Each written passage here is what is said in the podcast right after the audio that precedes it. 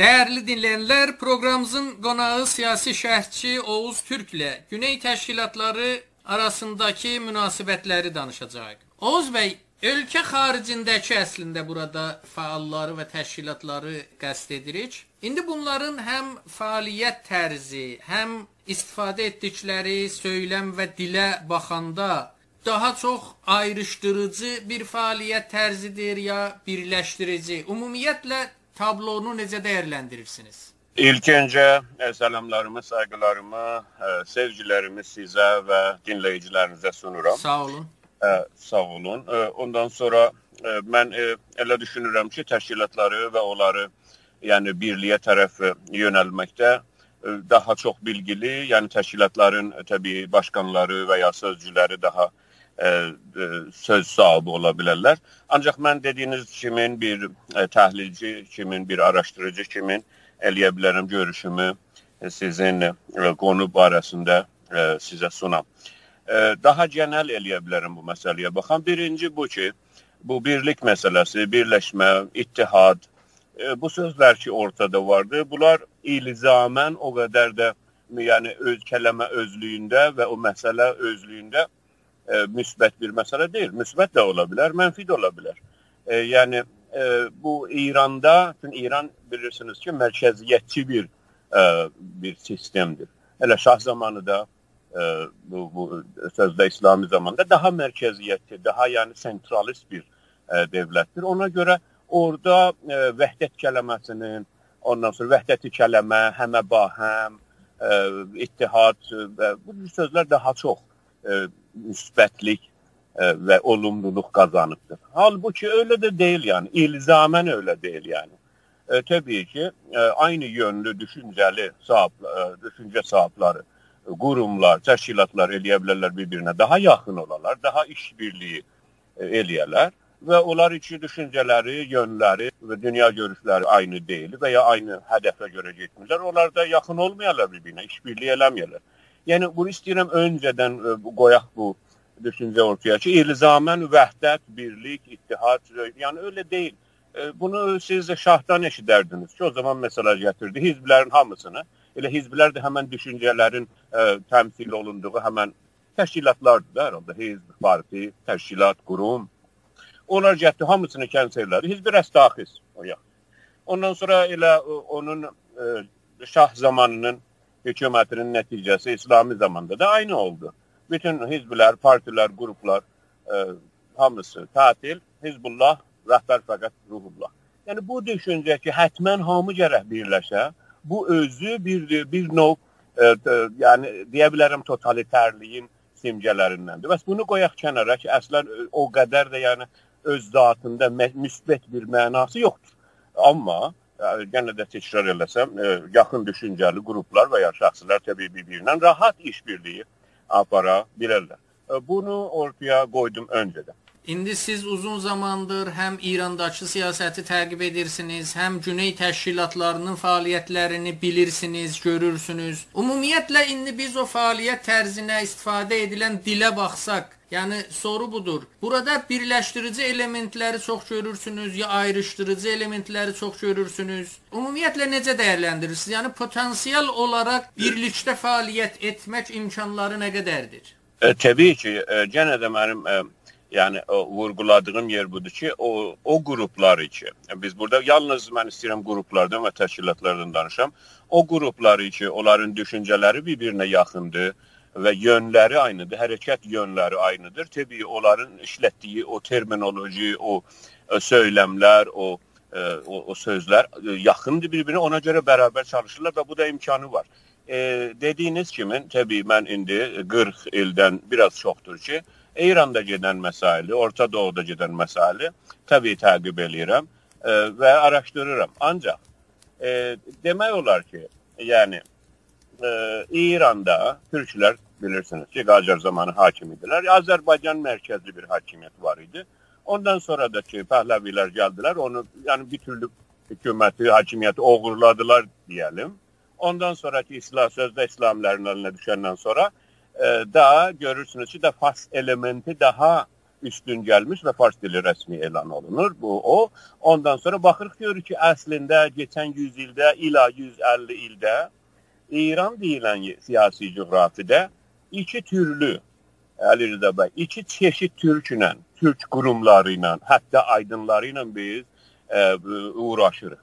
Biri İrancı türklər, onlar ki İranın bütünlüyünü qəbul edirlər. Onlar ki hər halükarda bir mər mərkəzçi İranı İranı görürlər e, siyasi üfuqlarında və öbürü türklər, bir qrup türklər də vardılar ki, onlar Azərbaycanı bir vətən olaraq Azərbaycanı bir bütün olaraq və onun içindəki hər türlü, hər dindən, hər cinsdən, hər yaşdan, hər e, düşüncədən olur olsun, onu da bir Azərbaycan vətəni olaraq Azərbaycanı bir məmləkət kimi görür. Necə ki Qacariyədə də məmləkəti Azərbaycan deyilirdi. Bu da bir çeşid türkümüzdür. Demək bu iki çeşid olur burada. Və bu iki çeşidin e, iki çeşid türkün biz orada e, bir-biri ilə yəni e, biz çatışmasını görürük ki, keçən 150 ildə, illa keçən 100 ildə. Bəs demək məsələ kristallaşıbdır. Bəs demək məsələ burada aydınlaşıbdır tarixi olaraq da belədir. İndi də elə görünür ki, güc və mərkəz Təbrizdən və Azərbaycandan e, gedib eşiyə tərəfində, İsfahana, ondan sonra bilirsiniz Tehrana və indi bizdən uzaqdadır.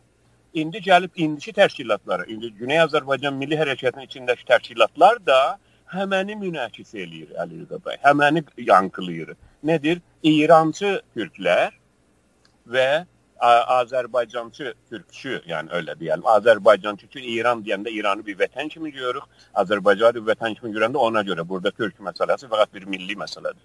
Ancaq Azərbaycançı türklər bu bunu aydınlaşdırandan sonra bəlli olur ki, əgər bir bir təşkilatın tüzüyündə, yəni əsas orada istiqlal bəhsi var, Güney Azərbaycanı bir vətən kimi görür və onun bağımsızlığını istəyir. O olur e, bir, bir şey. O biri də ki, İranı görür. İranın içində ya indi federal sistemində, ya indi hüquqlarını istəyir. Değişik yəni e, değişik İranın içində dəyişikliklər istəyir. O fərqli olur. Ona görə e, söyləmləri işlətməkdə, terminologini işlətməkdə biraz prensipsizlik vardır. Bəzilərdə var, e, bilirsiniz, e, Azərbaycanda Reyhan Mərzə deyirlər onlara.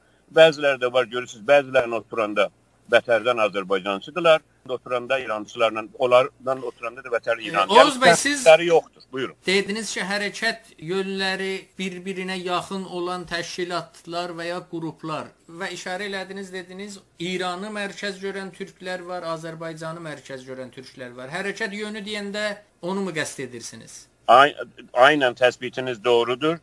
Çox təşəkkür e, ki, onu gətirdiniz o yəni əsli mətləbə o da budur ki, bəli, iki cürə, iki çeşid burada biz təşkilatlarımız vardı. Onlar iki prinsipsizdirlər, bilmirlər nə danışır, onları demirik. Yəni üç, o, üçüncü qrup keş onlara heç bir şey məlum deyil və ərz elədim.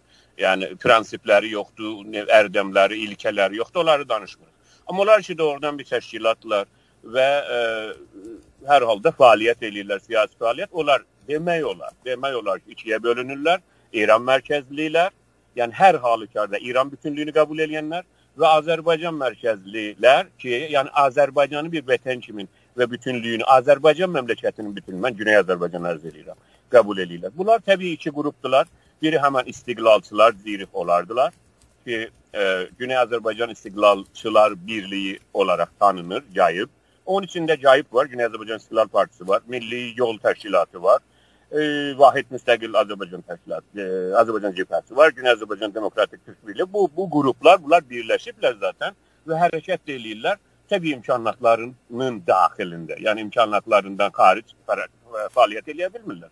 Bunların e, e, o söyləvlərində, bunların o terminolojisində nələr var?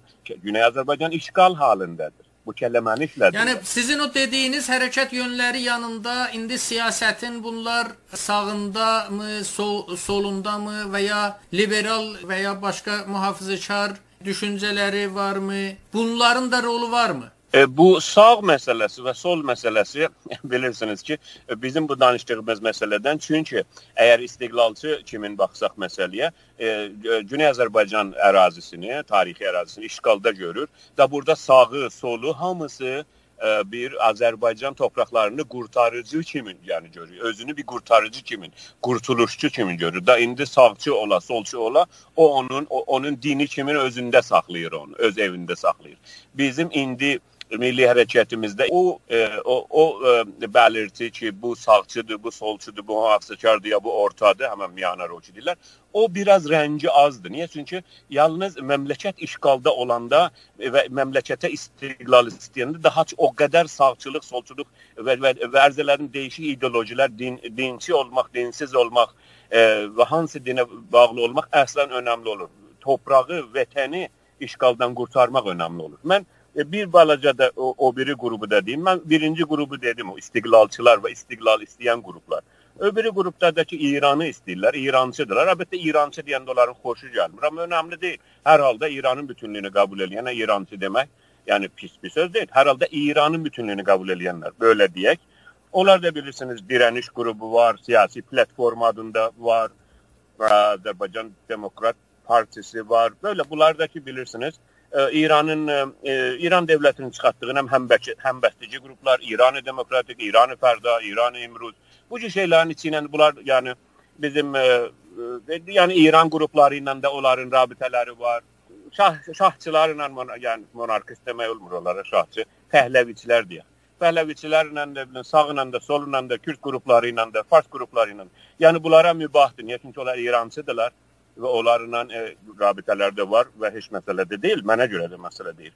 Oral İranın hər halda qanun əsasını dəyişdirmək istəyirlər. İranın bütünlüyünü qəbul edirlər. Orada dəyişikliklər olsun, haqqlar olsun, təyin haqq sərnişin olsun. Böyle çox bəlirsiz e, şeylər ki, İranın içindəki haqqlar. Demək ki, mən eləyə bildim bunu ikiyə böləm və bunu kristalize eləyəm. Yəni iki qrupdur burada. Görürsünüz ki, sağla sol məsələsi deyil. Əslində Azərbaycanı qurtuluşunu və istiqlalını istəyən qruplar və ya İranı daha yaxşı bir vəzə salmaq ki, eləyə bilərlər orada daha rahat yaşayarlar. Mən mən belə görürəm məsələn. Amma bir də sizin bu saydığınız siyasi görüşlər, çox siyasi görüş yoxdur bu hesabla ortada, amma ortada çox sayda təşkilat var. Yəni o zaman bu təşkilatlar daha çox siyasi görüşlər əsasında qurulan təşkilatlardır, yoxsa şəxslər əsasında qurulan təşkilatlardır? Bizə görə, yəni biraz da təmayülüm öylədir. İstəmirəm şəxslər ətrafında qurulan təşkilat deyəm heç birinə, heç bir təşkilata. Düzdür ki, şəxslər önəmlidirlər, onlar ki, təcrübələri çoxdur, e, siyasi qruplarda olmuşlar öncədən və ya hər halda e, bilgiləri daha çoxdur siyasət dünyasında və və e, onların ətrafına yığılmaq olur təşkilatlarda. Ancaq önəmli budur ki, bəli, siyasi bir yön və siyasi bir cəhətdir ki, bir qrupu bir yerdə tutur. Və elə saydığım qruplar həm istiqlalçılarda, həm İrancılarda. Düzdür, onlarda da bir birlik və var, yəni onların da birliyi var, istiqlalçıların da var. İstiqlalçıların da birliyinin adı e, Cayibdir, yəni Güney Azərbaycan İstiqlalçılar Birliyi. E, onların e, bu ki idğam olmayıblar, bir-birinə münhəll olub bir qrup olmayıblar. Niyə? Çünki özlərinin də siyasi düşüncələri var, amma siyasi düşüncələr bir-birinə yaxın olduğuna görə üst-üstə düşdüyünə görə ilkələr, hədəflər, yönlər ona görə işbirliyi çoxdur və gözəlliyi də budur. Və elə yaxşı da budur. Heç bu nə yaxşı bir şey deyə bilərik, nə pis bir şey. Təşkilatlar bir-birinə yaxınlaşarlar, uzaqlaşarlar, ə, e, ayrılarlar. Ancaq arz edirəm bunun prinsipi budur ki, nə e, bunlar əsasnamalarında bəlli olsun. Yəni prinsipsizlik olmuyor. O da budur ki, hər nə o, yəni doğrusunu deyirlər ki, bizim əsasnamamızda bu var və bunun üzərinə də hərəkət edirik və birliyimiz də bunun üzərinədir. Hələlik bu qədər deyə bilərəm.